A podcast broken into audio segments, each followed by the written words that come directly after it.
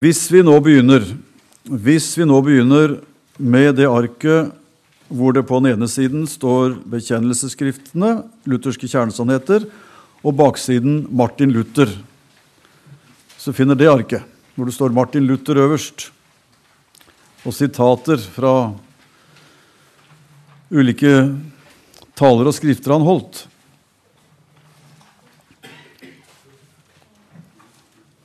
Tar litt tid å bli fortrolig med arkene hvis du liksom ser på dem og legger årstallsarket til side og har de to andre, da skal dette gå bra. Og Det med lov og evangelium kan du også la ligge litt så lenge. Det skal vi ikke inn på med en gang. Så Derfor er det det arket med Luther-sitater på den ene siden og bekjennelsen på den andre siden. Det er det arket du kan ha øverst. Det er det vi skal se mest på. Da blir det litt enklere, ikke sant? Da er det det arket du kan ha framme. Og øverst på arket med Martin Luther øverst så er det et sitat fra 1537, hvor Luther sier i en disputasjon Læren om rettferdiggjørelsen er mester og fyrste over all annen slags lære, og den hersker over all samvittighet og over Kirken. Uten den er verden bare tomhet og mørke. Det er et av utallige sitater hos Luther som går på det som for han er den sentrale kjernesannhet i evangeliet. Eh, det som jeg bruker litt tid på når jeg snakker om disse tingene, det er også minne folk om at reformasjonen ikke er et skrivebordsprodukt. I den mening som mange tenker består i at en eller annen forsker, vitenskapsmann, kirkeleder, kanskje en ung teolog med karriereplaner, ser seg om etter temaer som er egnet til å gi nettopp et karriereløft, eller få et gjennombrudd i sitt eh, akademiske virke, eller kanskje få et navn på den kirkelige stjernehimmel. Da ser man seg jo om etter noe som kanskje ingen har sagt før, eller kanskje man kunne være skikkelig uenig med en kjent person. Det kan det bli mye oppmerksomhet av. Mange måter å få det gjennomslaget på som kunne løfte meg opp som teolog og, og debattant og kirkeleder. Kirkehistorien er ikke fri for sånne innspill. Og noen, jeg har nok inntrykk av, også kirkehistorikere, de ser på reformasjonen og beskriver dem som på en måte et produkt av Luthers store intellektuelle virksomhet og kapasitet. Og fra én side sett er det sant. Jeg slutter aldri å undre meg over hvordan et menneske gjennom et liv fra 1483 til 1546 kunne rekke så mye som Luther skrev.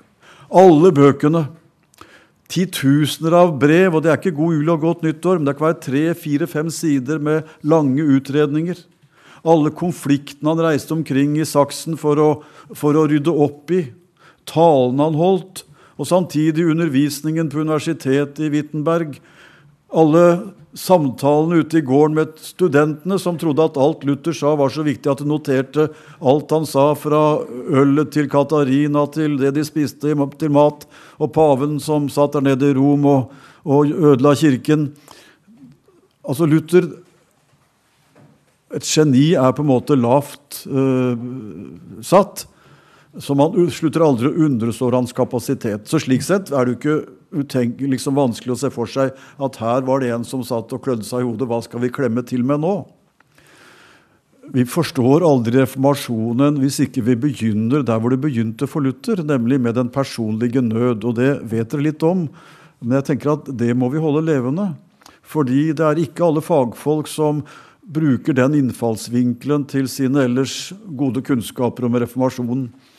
Nemlig at det som ble et oppgjør med Romerkirken på nærmest punkt etter punkt, både i lære og struktur og byråkrati, det begynte med en manns ensomme kamp med Gud for sin sjel i et mørke som han trodde klosteret skulle ta ham ut av, men som faktisk bare ble tyngre og tyngre etter hvert som årene i klosteret i Erfurt skred fram.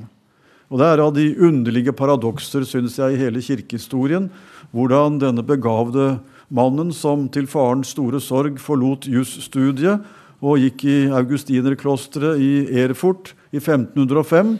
Hvordan han opplevde det motsatte av hva han håpet, nemlig at Gud ble fjernere, eller kanskje rettere sagt, han ble mer og mer nær, men i sin dom og i sin vrede.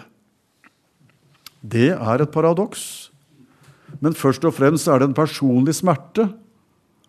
Og nå skal vi ikke bruke tid på å utmale det. Du har sikkert hørt foredrag om Luthers kamp og hvordan han slet og var i anfektelse og var på pilegrimsreise. Han ga almisser, han ba flittigere enn de andre. Han gjorde alt som kirken foreskrev for å kunne tro at Gud var han nådig.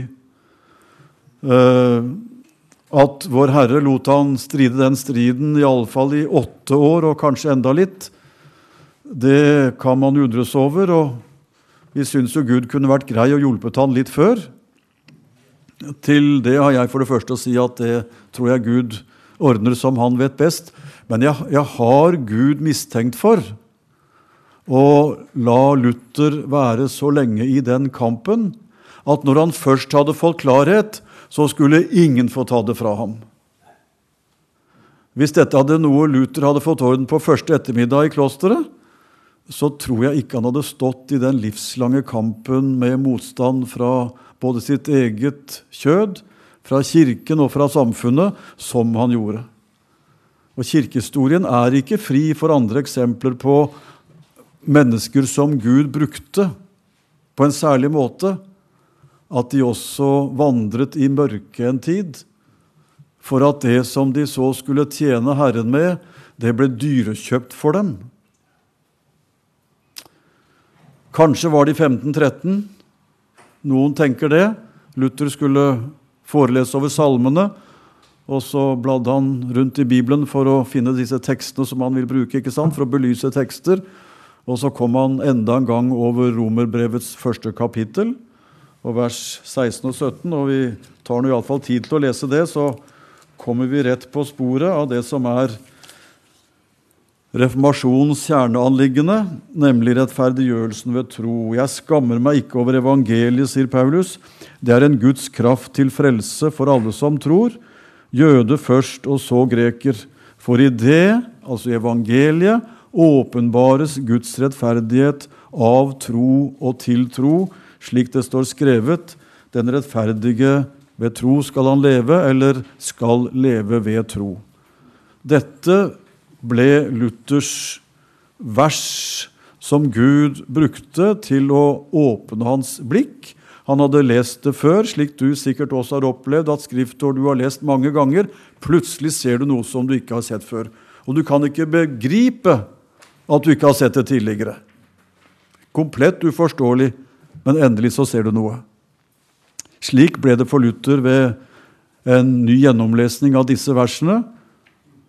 Og så falt det altså lys både inn i hans sjel og i klostermørket. Gjennom disse åtte årene fram til 1513 så hadde han altså fullført prestestudiet, blitt viet til prest. Pga. sitt intellekt så ble han stimulert til å studere videre og tok en doktorgrad på tidens vilkår og ble kalt til professor i det nye universitetet i Wittenberg, som kurfyrst Fredrik den vise nettopp hadde opprettet, og hvor Luther raskt ble en veldig populær foreleser og professor som studentene flokket seg om. Og ingen visste, ikke så mange i hvert fall, at dette var en som bak den tilsynelatende lysende karrieren levde i et mørke hvor Gud var han nær i sin dom, og nåden var et begrep hans som lå på hans lengsler, men som ikke han opplevde møtte hans nød, inntil han fikk lys ut fra Skriften. Og Det er altså her at vi som evangelisk-lutherske kristne må forankre vår reformatoriske bevissthet den er ikke et uttrykk for teologiske betraktninger, et karriereløp eller ønske om å nå fram i en debatt om sentrale posisjoner, men den er svaret på anfektelsens mørke, hvor du flytter posisjon fra travspråkets dødens posisjon innestengt mellom epikasjer både foran og bak. Og det er ikke greit å være i siste sving på Bjerkebanen da. Da er du stengt inne. Og Luther opplevde det i det åndelige liv.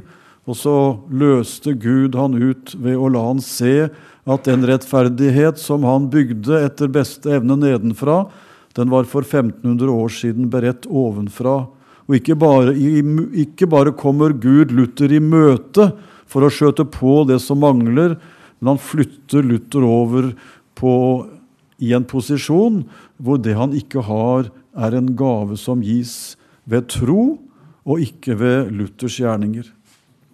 Dette er det Luther beskriver mange ganger og på mange måter, også i det sitatet som vi innleder med.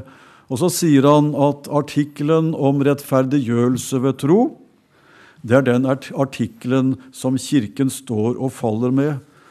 Og det hadde Melanchthon skjønt. Ragnar nevnte den stillferdige Melanchthon. Han hadde mot, tross alt, han også, og han formulerte dette i den fjerde artikkel i bekjennelsen som ble lagt frem i 1530. Slik du ser på Bare snu arket som du har, så ser du at den står øverst der. og Vi tar tid også til å lese den. Likeens lærer de at De var jo beskjedne, omtalte seg i tredje person. Og nå var det altså ikke Luther som sto alene i Worms. Han var på Kåborg og fikk ikke lov å være med, fredløs som han var. Men det var de protestantiske fyrstene, og dem var det etter hvert blitt en del av lærer at menneskene ikke kan bli rettferdiggjort for Gud ved egne krefter, fortjenester eller gjerninger, men at de blir rettferdiggjort uten vederlag for Kristi skyld ved troen, når de tror at de blir tatt til nåde, og at syndene blir forlatt for Kristi skyld, Han som ved sin død har gjort fyldest for alle våre synder. Denne tro tilregner Gud, seg, Gud som rettferdighet for seg. Og Så ser du Romene 3 og 4 er nevnt, og slå gjerne opp det når du kommer hjem. Så får du enda flere Paulus-ord som Luther helt sikkert brukte, han også, i sine forelesninger. Denne artikkelen står og faller Kirken med, sa Luther. Og så har jeg lyst til å motivere deg for å bla opp og lese gjennom den augsburgske bekjennelse. Det, vi syns det må da holde godt med det lille katekisme, og det er mye godt å hente der. Men denne bekjennelsen fra 1530 den er berikende å lese. Og særlig hvis du tar det grepet som så tydelig er der fra Melanchtons side, nemlig å la de artiklene som følger etter, henge fast i artikkel 4. Det er tre innledende artikler, og så kommer hovedsaken. Hva er det det dreier seg om? Jo, at vi rettferdiggjøres for Kristi skyld ved troen, ikke ved egne gjerninger. Det var det som løste Luther. Det var det som gjorde at han ikke kunne se med ro og fred på avlatshandelen og tuskeriet med synsforlatelsen, som egentlig ikke lå inne i avlatsbegrepet, men man var ikke så nøye med det så lenge pengene kom inn. Det var der det startet. Og selv ikke da så Luther for seg noe annet enn en akademisk diskusjon med sine teologiske foresatte. Men du vet, noen år før så hadde Johan Gutenberg funnet opp boktrykkerkunsten. Og så var det våkne folk i Tyskland som skjønte at dette kan være noe å gi ut. Her kan det være penger å tjene. Så dette ble trykt opp i store opplag, og folk leste. Og så var de i gang. Så var de i gang. Men hva var det som drev Luther? Den dype lengselen etter å få fred med Gud. Og Det er altså da reformasjonen begynner, som Luther ikke blir alene om. Han fikk medarbeidere og ville ikke klart seg uten Melanchtons ryddige hjelp og andre både i, i Wittenberg og etter hvert innenfor et større område som var hans gode medarbeidere. Bogenhagen, som etter noen år kom opp til Norge og Danmark og ordinerte de første lutherske biskoper f.eks. Mange personer er spennende å bli kjent med. Men Augustana, bekjennelsen, den bygger på artikkelen om rettferdiggjørelse ved tro. Og når Luther på punkt for punkt møter motstand, så er det så interessant å se hvordan hele tiden hans argumentasjon bygger på at Kirken, den er det folk som er rettferdiggjort ved troen. Og Da hopper vi ned til artikkel 7 i Augustana, på samme arket. Fordi nemlig den første utfordring Luther fikk, den var egentlig å anerkjenne Kirken slik som den framsto. Vi snakket om frimodig kirke her i stad, og en liten bevisst tror jeg, forsnakkelse fra Ragnar om frimodig folkekirke og hva det nå er det heter, disse forskjellige tingene. Luther han ble ganske raskt utfordret til å tenke over hva Kirken faktisk er. For lenge før riksdagen i Worms, etter fire års strid, så møtte han representanter fra Romerkirken som sto der med pavens sign, eh, seil, og autoritet, og viste til at han hadde med Kirken å gjøre. Og Da var man vant til at de som hadde med Kirken å gjøre, de bøyde hodet og innrettet seg etter det Kirken krevde. Da er det interessant å se hvordan Luther på punkt for punkt tenker og handler ut fra det han har oppdaget, nemlig at Kirken det er jo de som er rettferdiggjort ved tro, og derfor hører Kristus til. Dette hadde Melanchthon forstått. Han forsto hva Luther mente.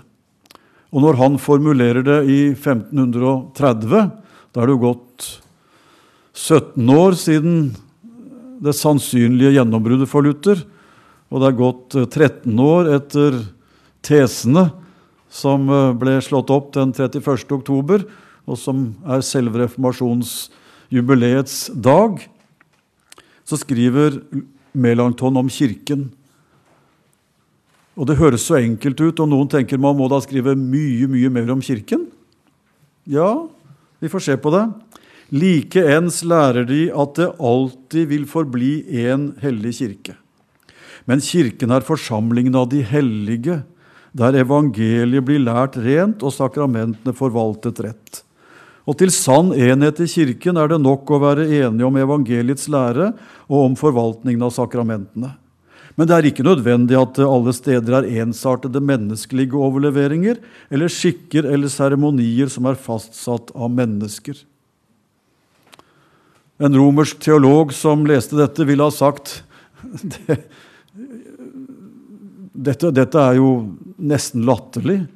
Å bruke fem-seks linjer på Kirken, og så er alt sagt. Nå må vi komme med hva kirkemøter og paver har dekrert og hva som står i Kirkens bøker, og hva som ligger inne i de ulike ordninger som Kirken må ha for å være en kirke på jord som kan utfylle det mandat som den har fått av Kristus, som Peter videreførte, og som paven i Rom har mandat til å følge, og som Kirkens mange tjenere skal leve opp til. Kirken, det er noe stort og mektig, og det krever mange ord å beskrive Kirken, og det er egentlig ikke for alminnelige folk å forstå engang. Du får bare innrette deg etter det som som din prest og din menighet kaller deg inn i, da synes jeg det er fint å være en evangelisk luthersk kristen. For det som står her, det er ikke en billig kortform, men det er sagt i den tro og den visshet som springer fram av artikkel 4. Det henger på det nærmeste sammen, for vi lærer at det finnes alltid én kirke fordi den er forsamlingen av de hellige. Communio sanctorum heter det på latin. Høres veldig flott ut, og det er det òg. Kirken er forsamlingen av de hellige. Vær litt oppmerksom nå, for i vår tid så vil du ofte høre når man snakker om Kirken, også innenfor vår norske folkekirkekontekst, at Kirken det er der hvor evangeliet forkynnes og sakramentene forvaltes. Og så hopper man ofte over. Jeg har knepet professorer i det der, og det tror ikke det var helt tilfeldig. Så hopper man over uttrykket 'de hellige', for det er jo bare en sånn liten adjektiv. Og så taler man om kirken. Det er der hvor noe skjer. Det forkynnes og prekes, og så forretter man sakramentene. Det betyr at kirken blir noen som gjør noe. Det sier ikke vår bekjennelse. Og det mener jeg Skriften heller ikke sier. For det Melanchthon formulerer, og Luther satt i Kåborg og sa dette er jeg meget enig i, det er at Kirken er samfunnet av de hellige. Og det er én kirke. Og så ville jo folk si ja, men det er da ikke sant. Kirken er mangfoldig, og den er delt, og den er i konflikt, og den er oppstykket. Hva slags svermeri er det å si at Kirken er én? Jo, det kan de holde fast, som har lært i Skriften at Kirken det er det folk som hører Kristus til. Og hellig i Skriften det er både et begrep som brukes om Gud, som den absolutt hellige. Han som i sitt vesen er fullkommen, og som er hellig både i møte med den lidende, gråtende synder som omvender seg, og han som står og er selvrettferdig og får høre Guds dom over sitt liv, Guds hellighet. Men hellig, dere, brukes også i Skriften om oss. Og ikke bare om det vi en gang skal bli, men om det vi er nå. Og Hvis du lurer på om jeg har mine ord i behold, så kan du bare lese innledningen til samtlige av Paulus sine brever hvor han kaller de hellige troende, eller dem han skriver til, som hellige. Jeg tror ikke jeg ville brukt det i korinterbrevene, for jeg syns ikke de fortjener å kalles hellige. Det er i hvert fall så mye å ta tak i at jeg ville holdt, litt, holdt det litt tilbake. Men da ville Paulus strammet meg opp og si altså, Svein, du har ikke skjønt hva det dreier seg om. For hellig, les Filippe-brevet 1, så står det 'hilser de hellige i Kristus Jesus' i Kristus Jesus. Og det forsto Luther, og det er det Melanchthon tar ned i vår kirkes bekjennelse, at hellig er et begrep som Skriften bruker på den som hører den hellige til. Og da er det ingen kvalitetsbetegnelse i betydningen en beskrivelse av hvor langt du er kommet, hvor from du er blitt, men det er en betegnelse på deg som tilhører den hellige, og fordi du er tilregnet det han er, så kaller Skriften deg hellig. Den lærdommen sitter tungt hos oss fordi den kolliderer med vår fromme selvbevissthet og tanke om at vi har kommet så kort. Er det ett område hvor troens folk må lære å bekjenne, så er det å si det samme om seg selv som Gud sier i sitt ord, nemlig at vi er hellige. For det henger sammen med rettferdiggjørelsen av tro, nemlig at det er de som hører Kristus til i kraft av denne rettferdighet, som Gud ser på som hellige, og som den kristne kirke selv skal lære og benevne med de ord som Skriften bruker. Det betyr ikke at du i ethvert møte med naboen og en tilfeldig forbipasserende skal presentere deg som en hellig. Det kan kommunisere litt skjevt, så du får tenke over når og hvordan. Men hvis du aldri står fram og sier at 'jeg hører Kristus til', og vet du hva han kaller meg? Han kaller meg hellig. Hvis ikke det av og til får være en del av din bekjennelse, så er det ikke et uttrykk for from beskjedenhet, men for at du ikke vil vitne om hva Kristus har gjort deg til. Og Derfor er det så viktig for en evangelisk luthersk kristen at vår kirkes grunnleggende sannhet om rettferdiggjørelsen ved tro får prege både vår bevissthet som kristen, hvordan jeg er i Guds øyne, og hvordan vi er som folk for kirken, det er fellesskapet av dem som hører Kristus til. Kirken er ikke et fellesskap av dem som har valgt å melde seg inn i en organisasjon. Kirken er ikke fellesskapet heller av dem som en gang ble døpt. Det vil jeg fått kjeft mange, fra mange å få si, men ut fra Skriften så er felles, Kirken fellesskapet av den som er døpt og lever med Kristus. Har du fått, falt ut av dåpens nåde, så er det ikke Gud som sparker deg ut. Han vil gjerne ha deg tilbake, og da kaller vi deg tilbake til dåpens nåde. Kirken er fellesskapet av dem som hører Kristus til, de hellige. Og så kommer aktivitetsbetegnelsen. Nemlig at denne kirke den både blir til og den vokser ved at evangeliet, altså ordet om rettferdiggjørelse ved tro, forkynnes. Og at de sakramenter som formidler den samme rettferdiggjørelse, forvaltes. Dåpen til gjenfødelse og nattværen til syndenes forlatelse og utrustning til et liv i etterfølgelse. Ser du hvordan dette henger i hop? Det henger så i hop men hvis artikkelen om rettferdiggjørelse ved tro tas bort, den som er Kirkens grunnvoll, da faller Kirken sammen, sa Luther, og såpass har jeg også skjønt. Det er denne kirke som har kraft til å overleve når stormværene farer over kirkebygget, og man lurer på hva skal skje med denne kirken som vi elsker. Da skal vår kjærlighet til Kirken være det samme som vår kjærlighet til Guds ord og til Kirkens bekjennelse om at det er de hellige samfunn som er Kirken. Og så sier Melanchthon og bekjennelsen at denne kirke, som er samfunnet av de hellige, som skapes og næres ved ord og sakrament, den kan ha ulike ytre ordninger. Det kan være forskjellige. Man kan ha biskoper, man kan ha synode, man kan ha en litt flat struktur, man kan ha en mer høykirkelig embetsstruktur, og vi kan jo ha noen meninger om hva som fungerer best, men det gjør ikke den lutherske bekjennelse til et kriterium. Den spør etter de ordninger som sikrer at evangeliet blir forkynt slik at rettferdiggjørelsen løftes fram, og at sakramentene blir forvaltet i samsvar med det. Der er Kirken. Så kan man jo i parentes sagt undres på om ikke noen er fristet til å bytte om på de leddene. At til Kirkens enhet hører det å være lydig mot Kirkens mange ordninger mens det derimot ikke er så avgjørende at man lenger deler den lære som er Kirkens bekjennelse. Vi får be om at ikke det er sant om den kirke mange av oss fortsatt hører til. Dette finner vi i Skriften. Og hvis dere orker å høre på litt til, så må vi si ørlite grann om nettopp det at Luther han fant dette i Guds ord. Fant det i Skriften når han leste Skriften. Han var professor i bibelfag, ville vi sagt i dag, med hovedvekt sannsynligvis på Det gamle testamentet. Og det var i møte med Skriften Gud lot han få se.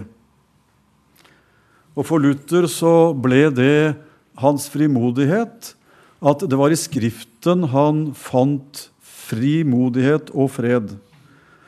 Og Derfor sier han som det nest tredje nederste sitatet, det er bare en linje på det arket med Luther-sitater, Bibelen alene er den rette herre og mester over all skrift og lære på jorden. Og vi tar med et sitat til.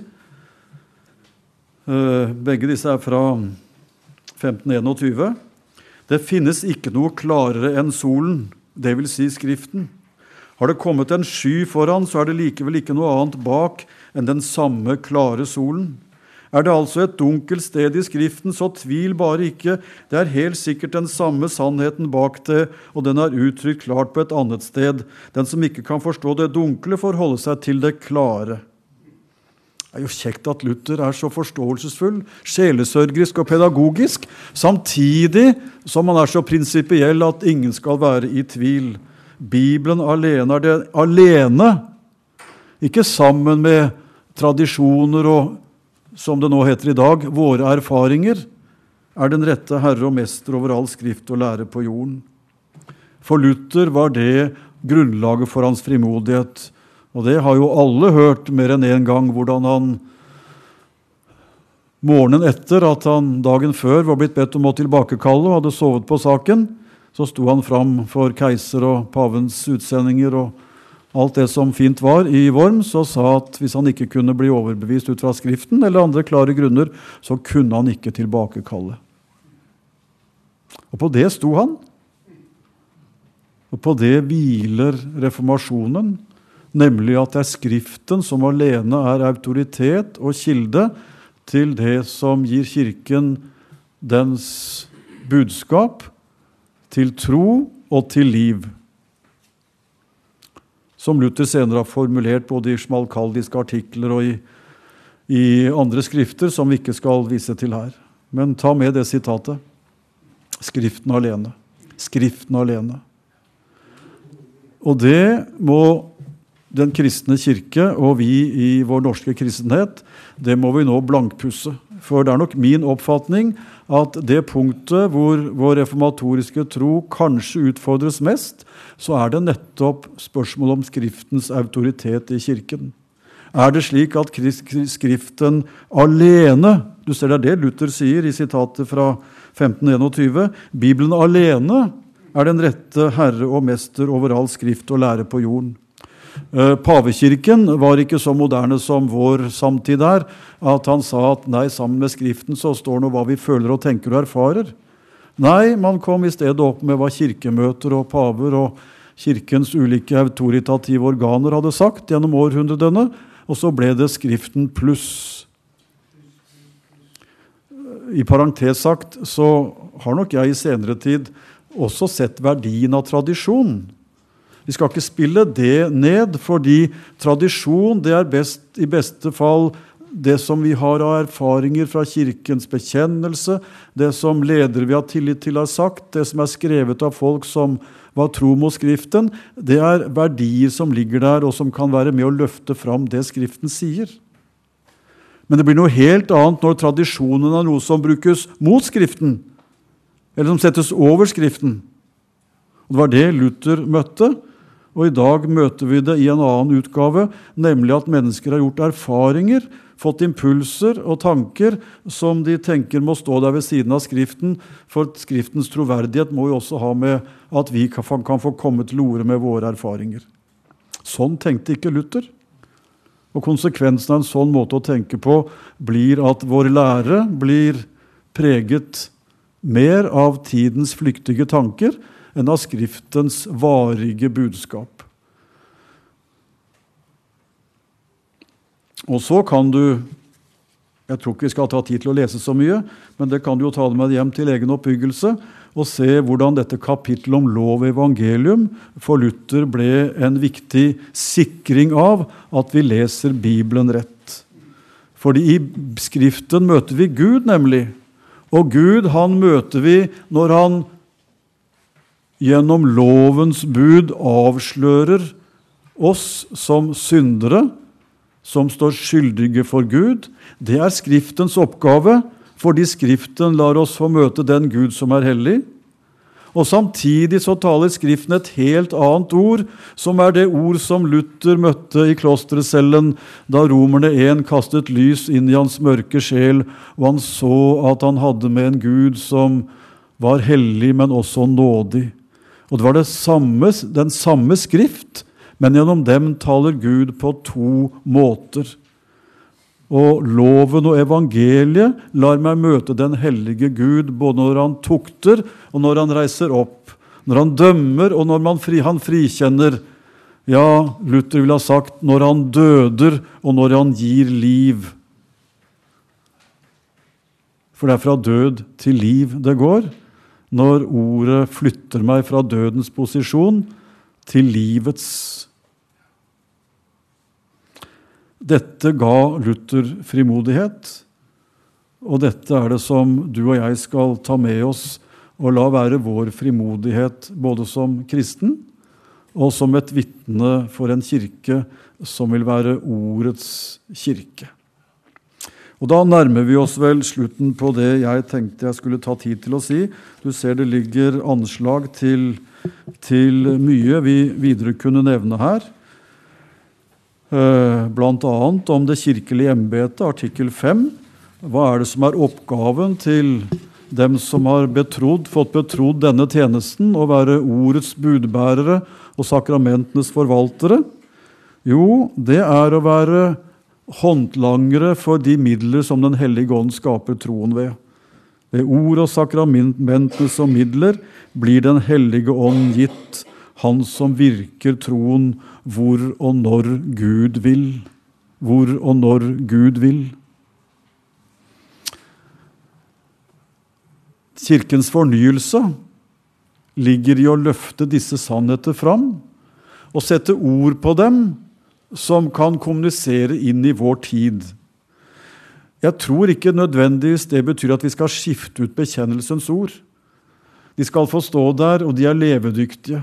Og så får du og jeg be om visdom til både å bruke dem, men også å bruke enkle ord som kan hjelpe en medvandrer til å forstå hva det er å bli rettferdiggjort ved tro.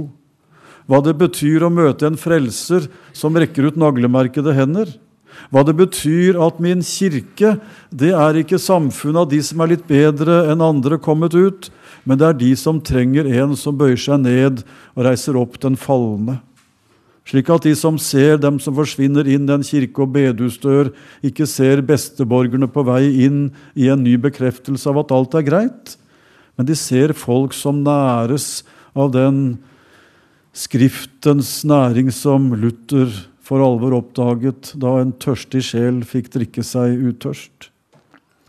Og så syns jeg fortsatt det er nydelig å sitere et Luther-ord som jeg ikke helt har funnet belegget på, men det er iallfall så ofte sitert at jeg vil tro det er eh, korrekt. Og hvis Ragnar vet hvor det står, så får han bare belyse oss etterpå. Men Luther sa en gang at det beste ord for kirke Altså Kirke er et utydelig ord, sa han. For det brukes så mange ord om hva det er, og kirke der kan være et utydelig ord. Det brukes på så mye. Men det er ett ord som Luther syntes var det enkleste ord på hva kirken er. Og Det hadde han hentet fra Johannes evangeliet kapittel 10 vers 27. Kirken er de får som hører hyrdens røst. De får som hører hyrdens røst. Luther istemte Melanchtons samfunn av de hellige. Men jeg tror det var i en preken så brukte han dette uttrykket om at kirken er de får som hører hyrdens røst. Det er Jesus som sier det. Mine får hører min røst. Og hvis du leser gresk, så ser du at hører det er noe man gjør uavlatelig. Ikke bare én gang, men om igjen og om igjen. Og Du trenger ikke bli fornærmet over at Jesus sammenligner deg med en sau. For sauen har en egenskap som er så etterlignelsesverdig at du bør bruke livet for å ligne sauen, nemlig om igjen og om igjen å høre hyrderøsten. Og Sauen tenker ikke over at det er det han gjør engang. Det gjør kanskje du. Men det bare var sånn. Og når andre røster lød, så hørte ikke sauen det. Dvs. Si, han enset det ikke. For det var én røst som sauen forbandt med vann, med grønt gress, med hvile og med en som jaget udyrene bort når de kom og truet. Og de hørte røsten ofte. Og det var sauens hemmelighet. Slik ble sauen bevart. Og slik, sa Luther altså en gang, slik er den kristne kirke. Det er de får som hører hyrdens røst. Og dette sa han fordi hans egen vei i troens rom begynte nettopp der. At det var en hyrde som ropte inn i hans mørke, og så begynte en ny vandring. Dere, dette er Kirken. Dette er den fornyelse som den kristne og lutherske kirke trenger, og som begynner der hvor du og jeg griper det og kan dele det med andre. Så hvis vi nå på disse minuttene som vi har brukt, og gjerne i samtalen etterpå, kunne blankpusse disse sannhetene, så er vi med og løfter den kristne kirke opp. Amen.